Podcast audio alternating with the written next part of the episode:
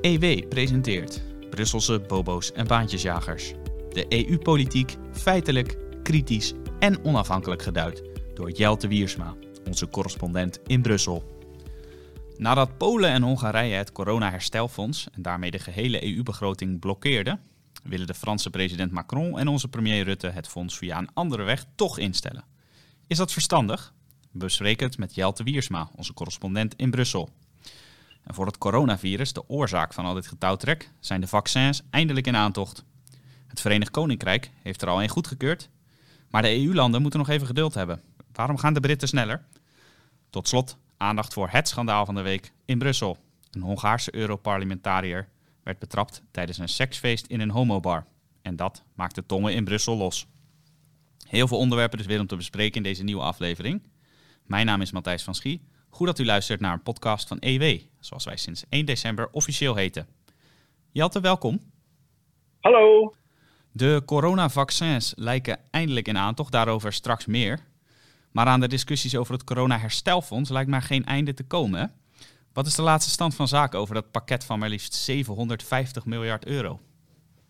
Nou, voorlopig uh, komt dat fonds er niet. Dat hebben we al eens eerder besproken in deze podcast. En dat is eigenlijk al vanaf juli, toen de regeringsleiders van de 27 EU-landen besloten tot instelling van het fonds, het geval dat er uh, niet veel van komt.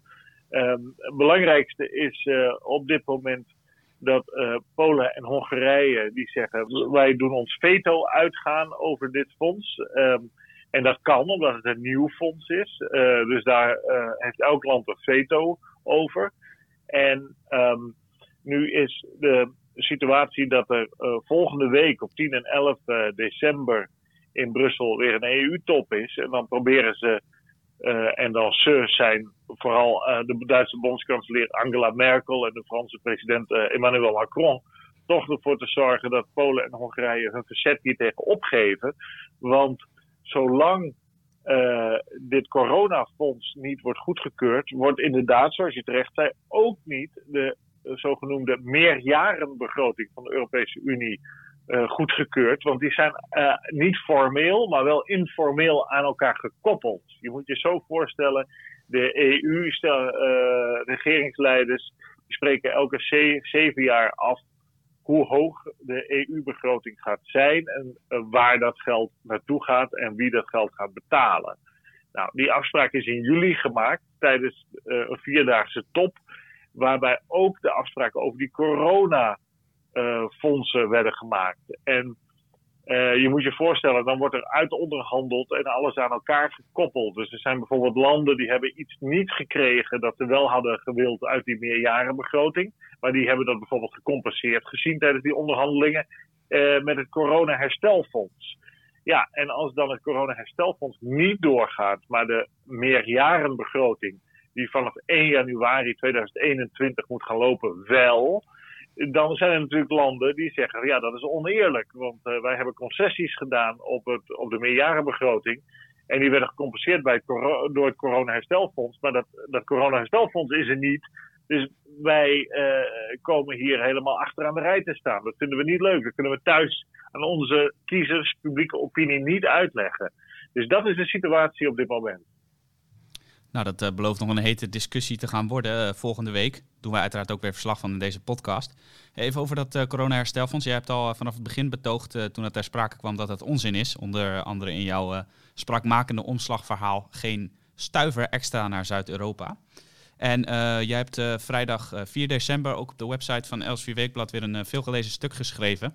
Waarin jij eigenlijk opnieuw zegt dat dat corona-herstelfonds er helemaal niet hoeft te komen. Belangrijkste argument uh, burgers in de landen waarvoor dat is bedoeld, zijn eigenlijk al een stuk rijker dan uh, landen in het noorden. Ja, dat is een van de argumenten die ik gebruik inderdaad. Uh, Deutsche Bank IFF die heeft ehm, een rapport uitgebracht recent over de vermogenspositie en schulden, schuldenpositie van huishoudens, niet-financiële bedrijven en overheden in Europa.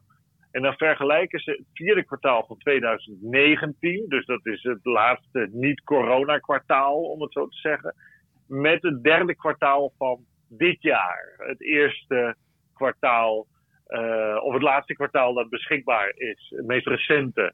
En ja, dan blijkt dus dat in Spanje en Griekenland de schulden van huishoudens gedaald zijn, terwijl die in bijvoorbeeld Duitsland en Finland gestegen zijn. Nou, Duitsland en Finland zijn netto-betalers aan de Europese meerjarenbegroting en aan dat corona-herstelfonds van 750 miljard euro.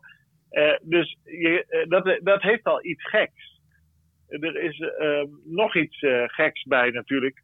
Dat die Italianen bijvoorbeeld, die zijn gemiddeld al vermogender dan de gemiddelde Duitser. Dus je krijgt een transfer eigenlijk van arm naar rijk in plaats van dat je van rijk naar arm transfereert, als je het zo wil bekijken. Dat uh, komt dus bijna niet voorbij in de verslaggeving. En dat wordt ook bijna niet bediscussieerd, gek genoeg. Maar het is toch wel goed om dat elke keer even te benadrukken. Voor Nederland waren er overigens geen cijfers beschikbaar. Dus daar heb ik niks over kunnen zeggen. Ja, jij zegt al inderdaad in de verslaggeving hierover werd eigenlijk niet vermeld de, de cijfers die klip en klaar zijn, die jij inderdaad ook weer in je artikel hebt gebruikt. Uh, mensen die kritiek hadden op dat corona-herstelfonds, wij bij EW voorop, die werden verweten dat wij eigenlijk heel vrekkig waren en als rijke landen toch vooral aan onszelf dachten. Waarom is dat dan zo? Als die burgers rijker zijn gemiddeld dan onze burgers, hoe komt het dan toch dat in zoveel media het tegenovergestelde beeld eigenlijk wordt geschetst? Ja, dan moet je die journalisten vragen en ook politici waarom die daarmee akkoord gaan om dat soort uitspraken te doen. Want veel politici bedienen zich ook van dat soort verkeerde beelden. Want het zijn gewoon feitelijk onjuiste beelden die gecreëerd worden over wie rijk en wie arm zou zijn. Nu is in Europa niemand echt arm natuurlijk, dus dit woord past sowieso al niet.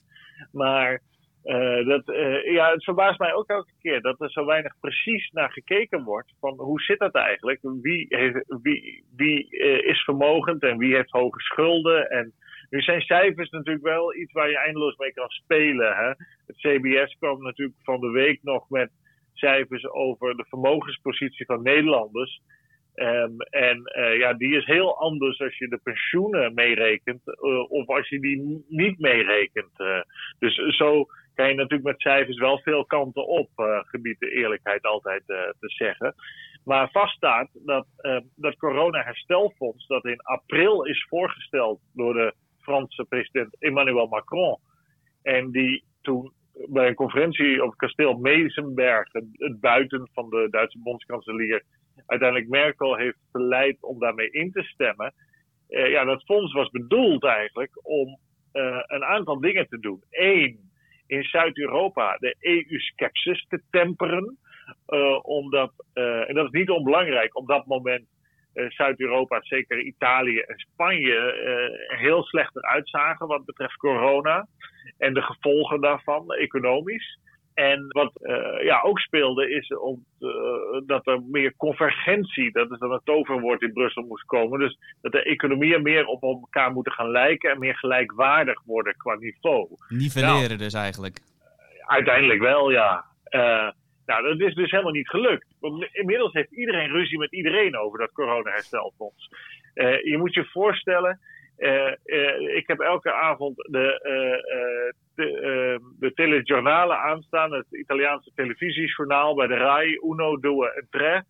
Um, en die zenders die hebben het elke dag in het nieuws over dat corona-herstelfonds. Dat is groot nieuws. En dan hebben ze in de Camera, het Lagerhuis, al daar grote debatten over wat er met dat geld moet gebeuren. Dat, nou, dat geld is er nog helemaal niet. Dat, dat fonds, dat, dat is er gewoon niet, want dat wordt nu geblokkeerd door Polen en Hongarije. Dus dat één, maar ze zijn het al aan het uitdelen. En ze hebben het al drie keer uitgegeven voordat. Uh, uh, uh, nou, dat is. Dat, dus er worden enorme verwachtingen ges, geschapen in Zuid-Europa. Dit geldt ook voor Spanje en, en Griekenland.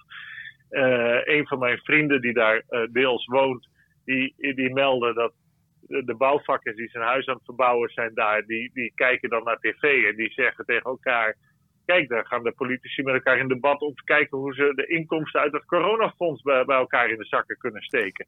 Je, zo, zo wordt daar gesproken. Dus dat is een, een totaal cynisme uh, ontstaat daar. opgeklopte verwachtingen ten eerste. En dan, die verwachtingen worden niet waargemaakt. En dan cynisme. Dus het doel van vooral Merkel in deze om akkoord te gaan met dit Franse idee was om dat cynisme en die EU-sceptisch juist weg te nemen. Maar die wordt juist aangewakkerd, want ze zeggen daar in het zuiden nu zie je wel dat uh, met de Europese Unie daar komt ook niks van.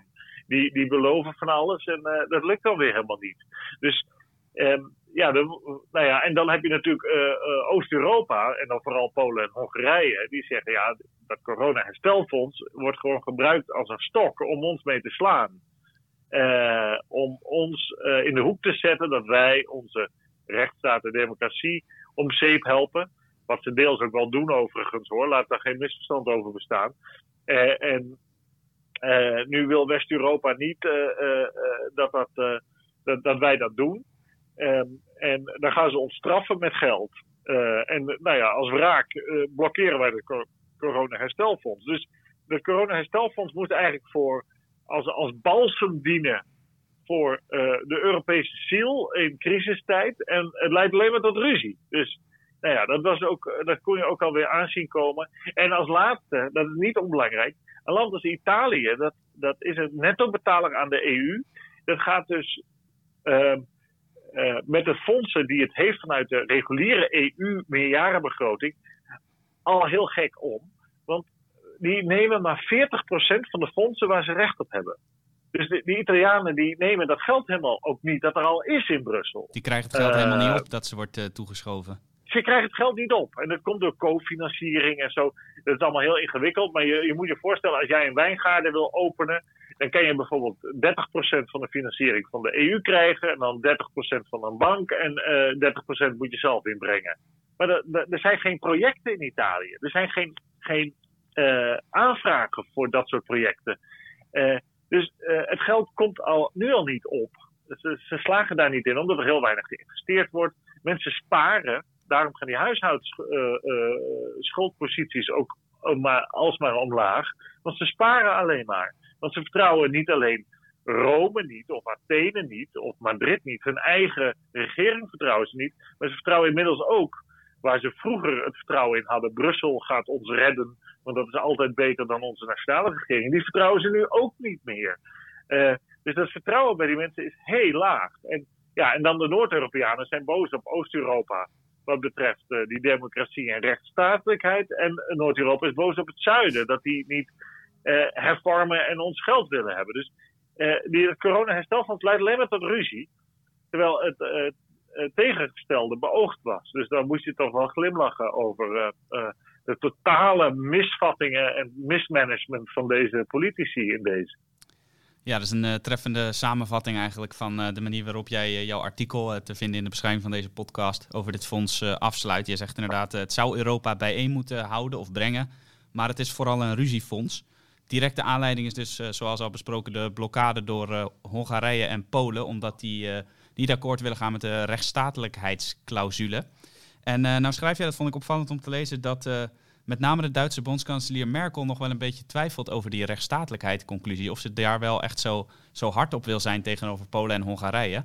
Terwijl uh, Merkel wordt natuurlijk door velen gezien als het voorbeeld van de liberale hoeder van de Europese democratie. Maar toch wil ze misschien wel een oogje dichtknijpen bij Polen en Hongarije. Hoe komt dat? Ja, je moet je voorstellen, Duitsers zijn moralisten, net zoals Nederlanders, maar uiteindelijk gaan de zaken voor natuurlijk. En uh, Duitsland voelt zich op dit moment in die Europese Unie natuurlijk uh, kip lekker. Want zij hebben eindelijk al hun buurlanden, negen buurlanden heeft Duitsland maar liefst, uh, hebben ze een vriendschappelijke relatie mee. Dat is in de geschiedenis nog nooit gebeurd. Ze hadden altijd wel ruzie met iemand. Uh, en dan ga ik niet in op de vraag van wie, wiens schuld dat is. Uh, in ieder geval, um, Duitsland is natuurlijk door de uitbreiding van de EU in 2004 in het hart van Europa komen te liggen. En heeft eindelijk een soort vriendschap met Polen ook kunnen sluiten. Wat niet onbelangrijk is in de Duitse-Poolse verhoudingen. Ze hebben, uh, Duitsland heeft vriendschap met Frankrijk kunnen sluiten, min of meer. En, en zo is dat Duitsland helemaal ontspannen geraakt in dat hart van Europa. tot rust gekomen. Dat omsingelde Duitsland, want ze zijn geografisch natuurlijk omsingeld door negen landen. is, is eigenlijk heel comfortabel geraakt in de EU zoals die is. ze kunnen lekker exporteren, ze hebben geen vijanden. Af en toe dan geven ze een beetje geld aan andere landen om ze wat rustig te houden. Uh, maar dat, is eigenlijk peanuts vergeleken bij de, uh, het Duitse nationaal inkomen. Uh, dus zij willen dat wel zo houden. Ze hebben, willen daar ook wel een beetje voor betalen, financieel. En ze willen ook wel wat concessies doen op principiële punten. Dat heb je al heel lang gezien, bijvoorbeeld met Fidesz, de Hongaarse partij van de premier Viktor Orban, die samen in, met de CDU en CSU in de Europese Volkspartij zit, in het Europese parlement onder meer. Nou, die zijn eigenlijk altijd vanuit Duitsland de hand boven het hoofd gehouden. Tot frustraties uh, van de Nederlanders en, en, de, en de Vlamingen bijvoorbeeld. Uh, die zeggen, nou, dat had al lang gedaan moeten zijn. Uh, maar Duitsland wil nooit de boel dan op de spits drijven. Die wil altijd vriendjes blijven, lijnen open houden. Dat is ook heel erg Merkels strategie. Altijd, altijd blijven praten. Um, en zij wil dat ligt er ook nog onder, geopolitiek strategisch. Hij wil natuurlijk absoluut niet Oost-Europa wegdrukken, van zich vervreemden. Uh, dat heeft een aantal redenen, maar het belangrijkste is nog misschien wel dat Duitsland in de constellatie zoals die nu is, eh, geografisch en politiek in het hart van dat Europa ligt, van die, van die Europese Unie, uh, en daarna eigenlijk een machtiger positie heeft. Frankrijk heeft die connectie met Oost-Europa bijvoorbeeld niet. Hm. En je ziet ook dat Frankrijk wil juist heel graag, ook Macron, maar al langer, dat er een soort kern-EU komt. Uh, en dat moet eigenlijk dan de eurozone zijn. Uh, waar Oost-Europa uh, niet aan mee doet of mag doen zelfs. maar ook Zweden en Denemarken niet. En waarin Frankrijk dan een veel krachtiger, machtiger positie inneemt. En je ziet dat de Fransen dus vrij enthousiast, Macron, op die rechtsstatelijkheid hameren, omdat dat voor hen aantrekkelijk is om die, die, die Polen uh, ook een beetje weg te duwen. En er speelt nog mee dat in um, uh, Frankrijk als leider van Zuid-Europa, kan je zeggen, ja, ook wel uh, zicht heeft gewoon op wat meer financiële fondsen. via de EU, want toen die Oost-Europeanen lid zijn geworden, is er heel veel geld naar Oost-Europa gegaan. Nog steeds. Alles is daar nieuw. Als je daar komt, het is ongelooflijk als je in, eh, in Polen komt. Dat is fantastisch. Je, uh, je komt daar aan en, en de, de vlieghaven is nieuw. Chopin vliegveld heet het geloof ik. Uh, in, bij Warschau. En alle snelwegen zijn nieuw. Alle gebouwen opgeknapt. Het, het is echt fantastisch. Het is alsof je in een hele nieuwe wereld terechtkomt. Alles is allemaal is door ons betaald. Alles. Ah, er is zoveel geld die kant op geploegd. Polen krijgt nog steeds 10 miljard euro per jaar. Dat is gigantisch als je, als je dat vergelijkt met het nationaal inkomen van het land, dat zijn gewoon serieus procenten uh, vrij besteedbaar geld dat daar naartoe wordt geploegd. Ze weten van gekkigheid nu al niet wat ze met het geld moeten doen daar. Uh, ja, en uh, de, het grote slachtoffer daarvan is Zuid-Europa geweest. vooral ook, ook Spanje, Portugal, Griekenland. Die hebben een grote veer gelaten, minder geld gekregen. En die zitten natuurlijk allemaal Frankrijk op te stoken van uh, doe, maar, doe maar hard en scherp, want uh, dan kan de poen naar ons uh, gaan en niet naar Oost-Europa. Dat speelt op de achtergrond ook nog mee. Dus die, die aloude strijd, Frankrijk-Duitsland, waar we Frankrijk de kampioen van de mediterrane landen, ehm, dat, speelt, dat speelt hier een hele belangrijke rol ook op de achtergrond. En je ziet dus dat, dat Merkel veel voorzichtiger is dan Macron, die opeens heel principieel en rechtlijnig gaat doen. Uh, nou, opportunisten zijn het allemaal, dat zijn alle politici. En dat zie je in deze ook weer. Ja, boeiend om in de gaten te gaan houden. Volgende week nogmaals uh, eh, 10 en 11 december uh, wordt het allemaal beslist in Brussel. Althans, dat zou kunnen. Maar ja, in Brussel gaan de dingen niet altijd even snel. Dus wie weet duurt het nog heel lang. Maar we houden het in ieder geval ja, voor u in de gaten. Interessant is daarbij ook, als ze er, niet uitkomen in december, dan gaat dus die meerjarenbegroting van 1000 74 miljard euro verspreid over zeven jaar ook niet lopen vanaf januari. En dan gaat de oude EU-begroting, de bestaande EU-begroting, gewoon doorlopen. Minus de 70 miljard euro die het Verenigd Koninkrijk daar netto elke, uh, elke jaar in stopte. Dus uh, dan krijg je en geen corona-herstelfonds en een lagere EU-begroting. Nou, voor Nederland is dat eigenlijk een, geweldige uitkomst. Voor de Nederlandse belastingbetalers zeker. Ehm, maar ehm, nou ja, zoals gezegd, uh, ook premier Rutte stuurt op een andere richting aan. Uh, en uh, dat is niet in het Nederlands belang, zou ik zeggen. Nou, we houden in de gaten wat hij gaat doen, premier Rutte. Hopelijk luistert hij naar deze podcast. Dus, dat, dat komt hem alleen maar. Dat weet ik wel zeker, toch? Ja, ja, ja. Maar, hij heeft helemaal niks te doen. Er is geen coronacrisis of zo. Of, zo is dat. Zo is dat.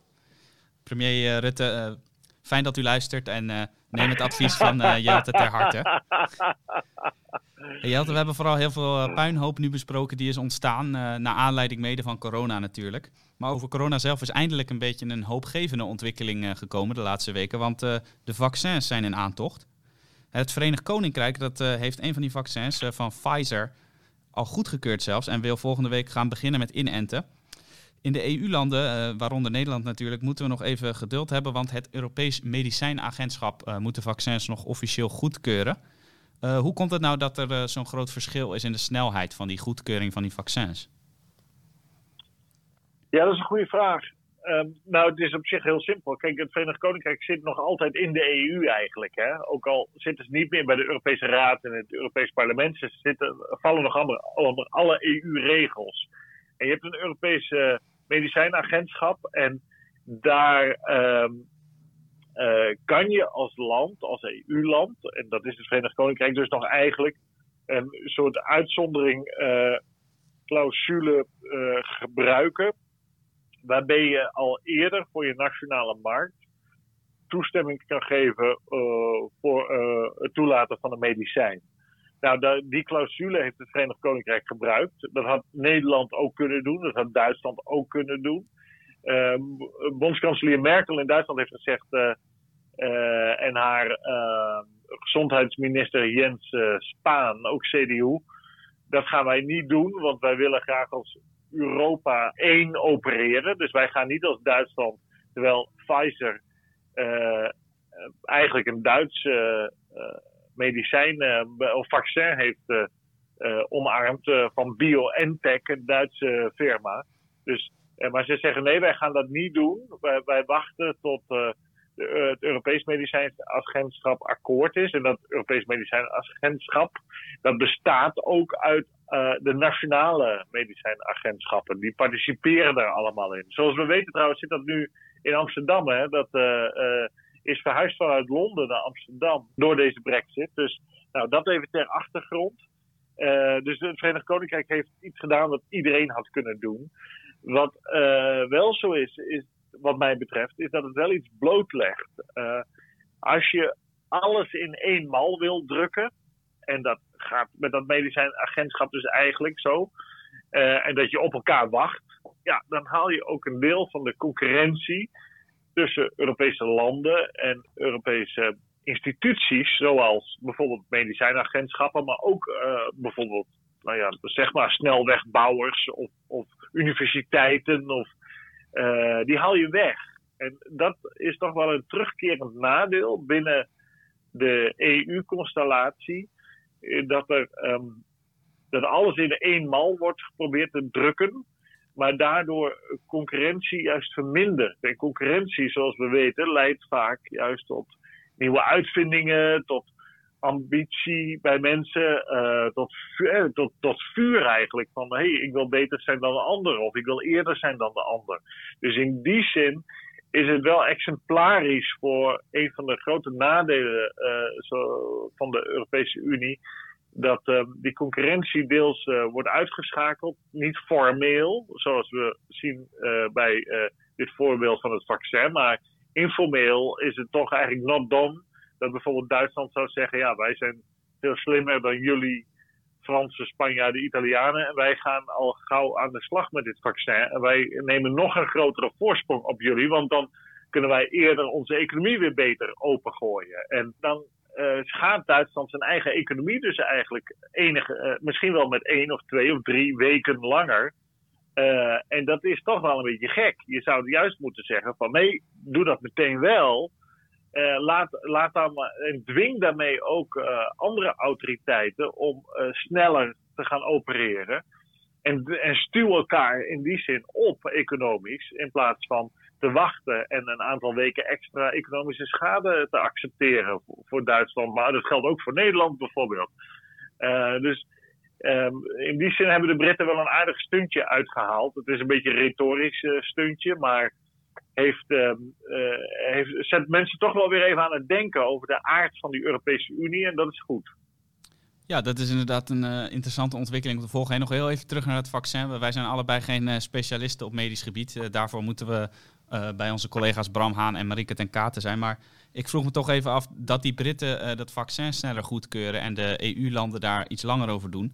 Is het misschien ook wel niet van de EU-landen een beetje verstandig dat ze wat voorzichtiger zijn met zo'n vaccin, wat toch wel in heel hoog tempo is ontwikkeld?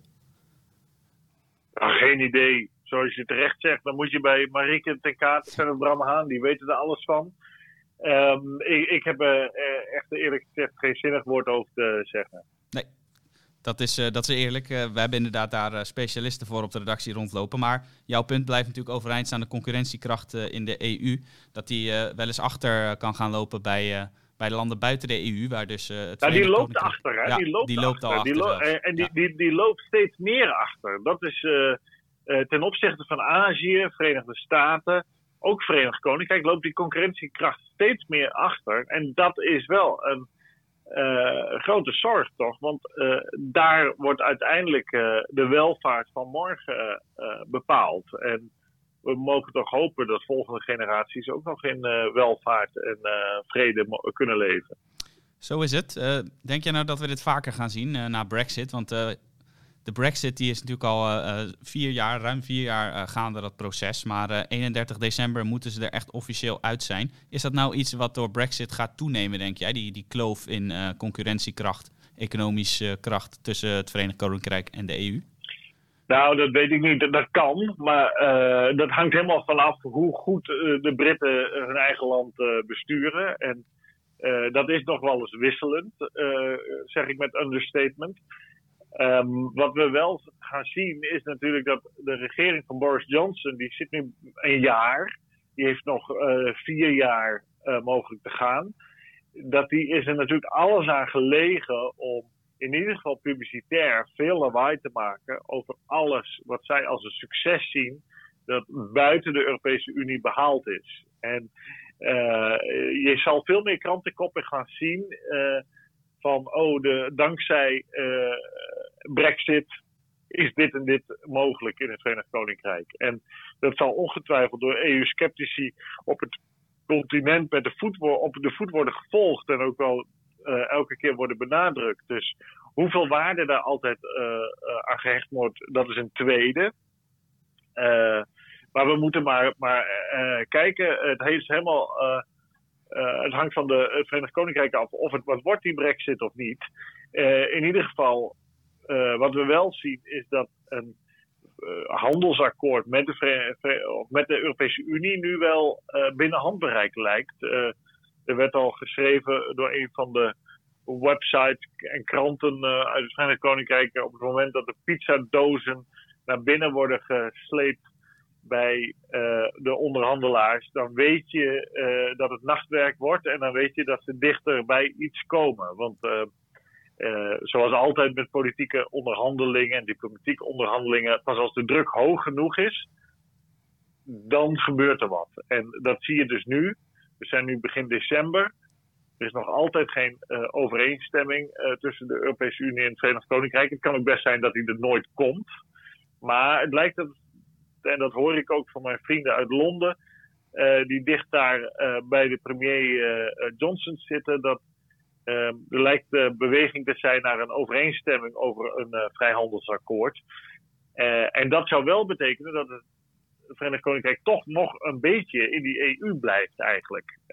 en daarmee zou je, daardoor zou je ook nooit helemaal kunnen beoordelen of een exit, een brexit, of dat nou uh, attractief is of niet. Dat geldt ook eigenlijk voor, voor Zwitserland en Noorwegen, die natuurlijk ook beide met, met één been toch, nog, toch wel in die Europese Unie zitten. Veel meer dan mensen soms in de gaten hebben. En dan kan je dus ook niet helemaal beoordelen of dat nou uh, aantrekkelijk is of, uh, of niet om zo'n positie te hebben. Misschien wel, voor Nederland misschien ooit wel, wie zal het zeggen. Um, de, voorlopig moeten we eerst maar zien hoe de, het Verenigd Koninkrijk zich gaat redden. En um, ja, makkelijk zal het niet voor ze zijn. Nee, dat is duidelijk. Wellicht weten we na dit weekend al meer. Dan kunt u dat uiteraard lezen op onze website ewmagazine.nl. En zo niet, dan komt het in de volgende afleveringen van de podcast uiteraard weer aan bod. Hoe dan ook, over een kleine maand weten we hoe het voorlopig in ieder geval is afgelopen. Je had, tot slot gaan we eventjes, we kunnen er niet omheen naar het schandaal van de week in Brussel. En er werd nogal lacherig over gedaan door velen. ik ben benieuwd hoe jij er tegenaan kijkt. Want velen hebben zich kostelijk vermaakt, want de Hongaarse Europarlementariër Jozef Sayer werd opgepakt omdat hij met een uh, gezelschap van een man of twintig deelnam aan een uh, orgie in een homobar. En velen zeggen juist dat, dat juist deze uh, Hongaar daarbij betrokken was. Dat is extra pikant. Waarom zeggen zij dat? Ja, nou je moet er natuurlijk wel even om glimlachen. Dat deze meneer Jozef Sayer daar in Brussel in deze uh, Bar is uh, betrapt door de politie die een einde wilde maken aan dit uh, illegale feestje. Omdat zulke grote groepen niet samen mogen komen wegens corona, inderdaad. Ehm, ja, deze Sayer is een man die dicht bij Orbán, de Hongaarse premier, zit. En ook al sinds de jaren tachtig, toen Fidesz een anticommunistische club was en nog steeds is trouwens, bij, daarbij betrokken is. Dus die, dat gaat al 30 jaar terug. Um, en ook, deze man is ook een soort partijideoloog wel. En uh, zijn vrouw die is rechter in het constitutioneel hof van Hongarije. En dat gaat in Hongarije natuurlijk via politieke weg. In Duitsland gaat het overigens ook via politieke weg. Moet ik even benadrukken. Um, en deze, deze meneer eh, heeft in uh, 2010 nog een document onder meer opgesteld over wat familiewaarden zijn in Hongarije. En dat het huwelijk alleen een relatie kan zijn, een echt verbindenis tussen een man en een vrouw. En dat ook alleen zij kinderen kunnen hebben, een natuurlijk gezin kunnen vormen. En eventueel als er een kind geadopteerd zou moeten worden, dat alleen een echtpaar van man-vrouw dat kan doen. Nou, dat deze man dan in een uh, bar is waar kennelijk een homo-orgie aan de gang is. Dat uh, lijkt in vele ogen daar enigszins haaks op te staan. Uh, en daar moest ik wel om lachen toen ik dat las.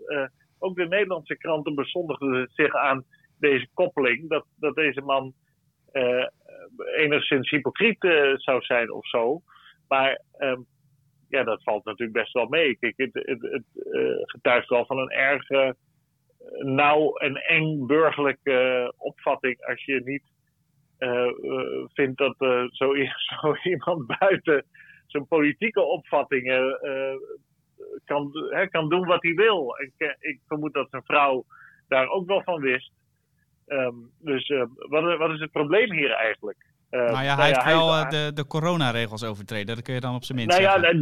ja, dat is het eigenlijk het enige wat niet deugt eraan. Hij heeft de coronaregels overtreden. En de, en de Belgische politie die, die heeft nog een ecstasy-pil bij hem gevonden, schijnbaar. Uh, en daar, dat ontkent deze man dan weer, deze Sayer.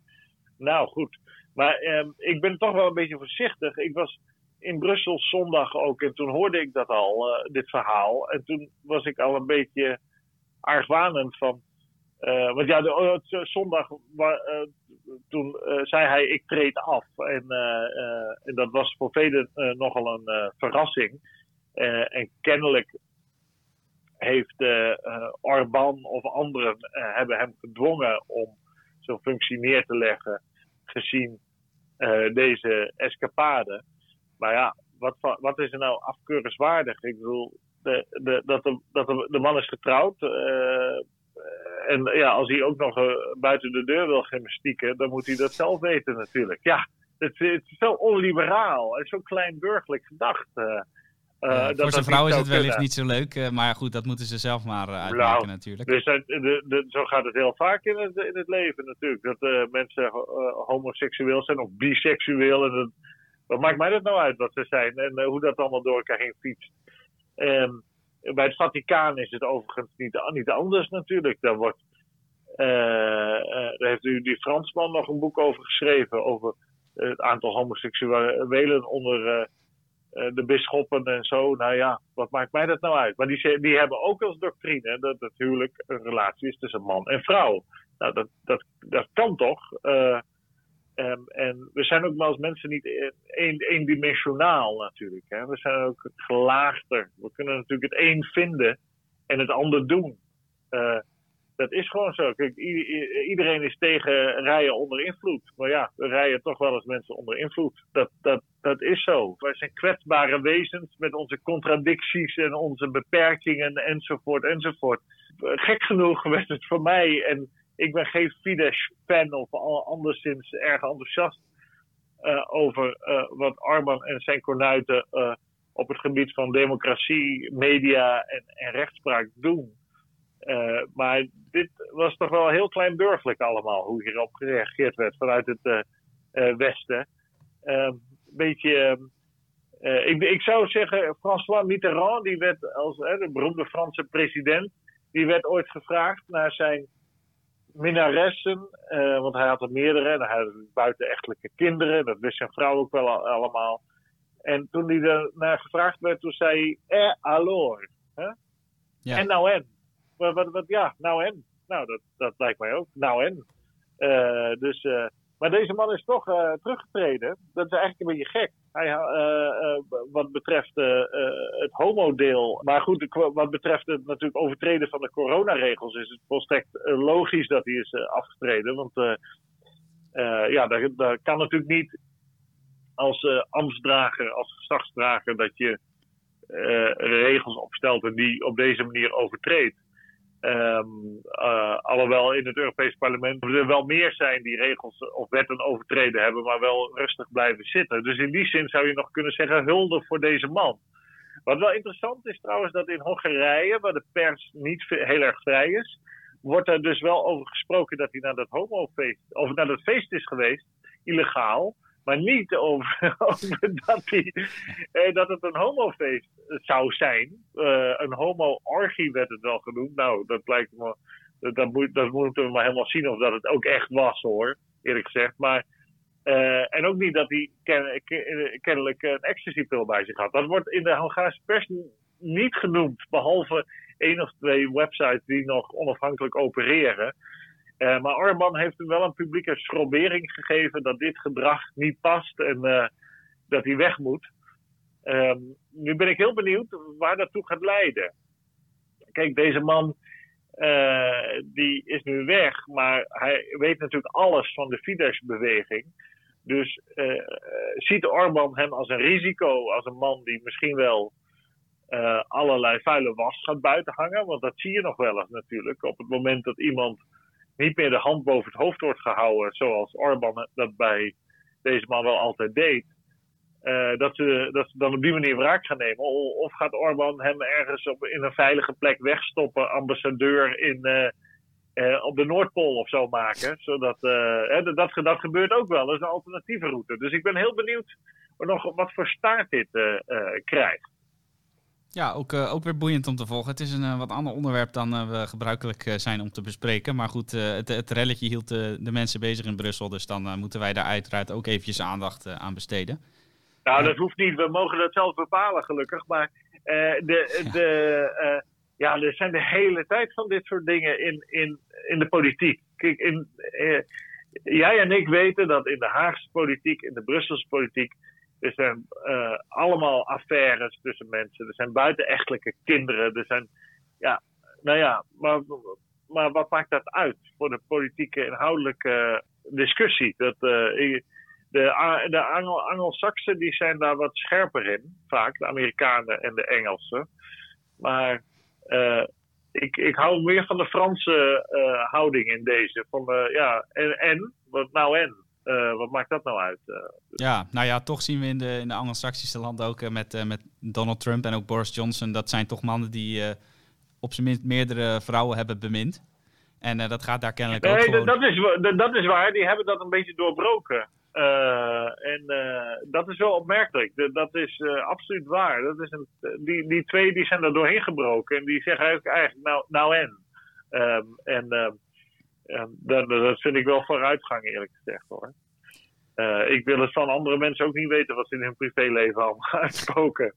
nee. Zo is dat. Uh, bij EW uh, eh, schrijven en spreken we natuurlijk liever over de politieke daden. Want zoals Jelte al zei, die doen er uiteindelijk toe. En wat iemand in de slaapkamer of waar dan ook uitspookt, dat moet hij vooral zelf weten. Zo is het. Nou Jelte, we, we zijn er weer doorheen voor vandaag. hartelijk dank voor jouw tijd en voor jouw interessante bijdrage weer. Nou, dit was het weer voor vandaag. Namens EW eh, e wensen wij eh, u het beste toe. Sterkte nogmaals in deze coronatijden en graag tot de volgende keer. Hartelijk dank voor het luisteren naar de podcast van EW. Wilt u niets missen? Abonneer u dan in uw favoriete podcast-app, bijvoorbeeld Spotify of iTunes, door te zoeken op EW.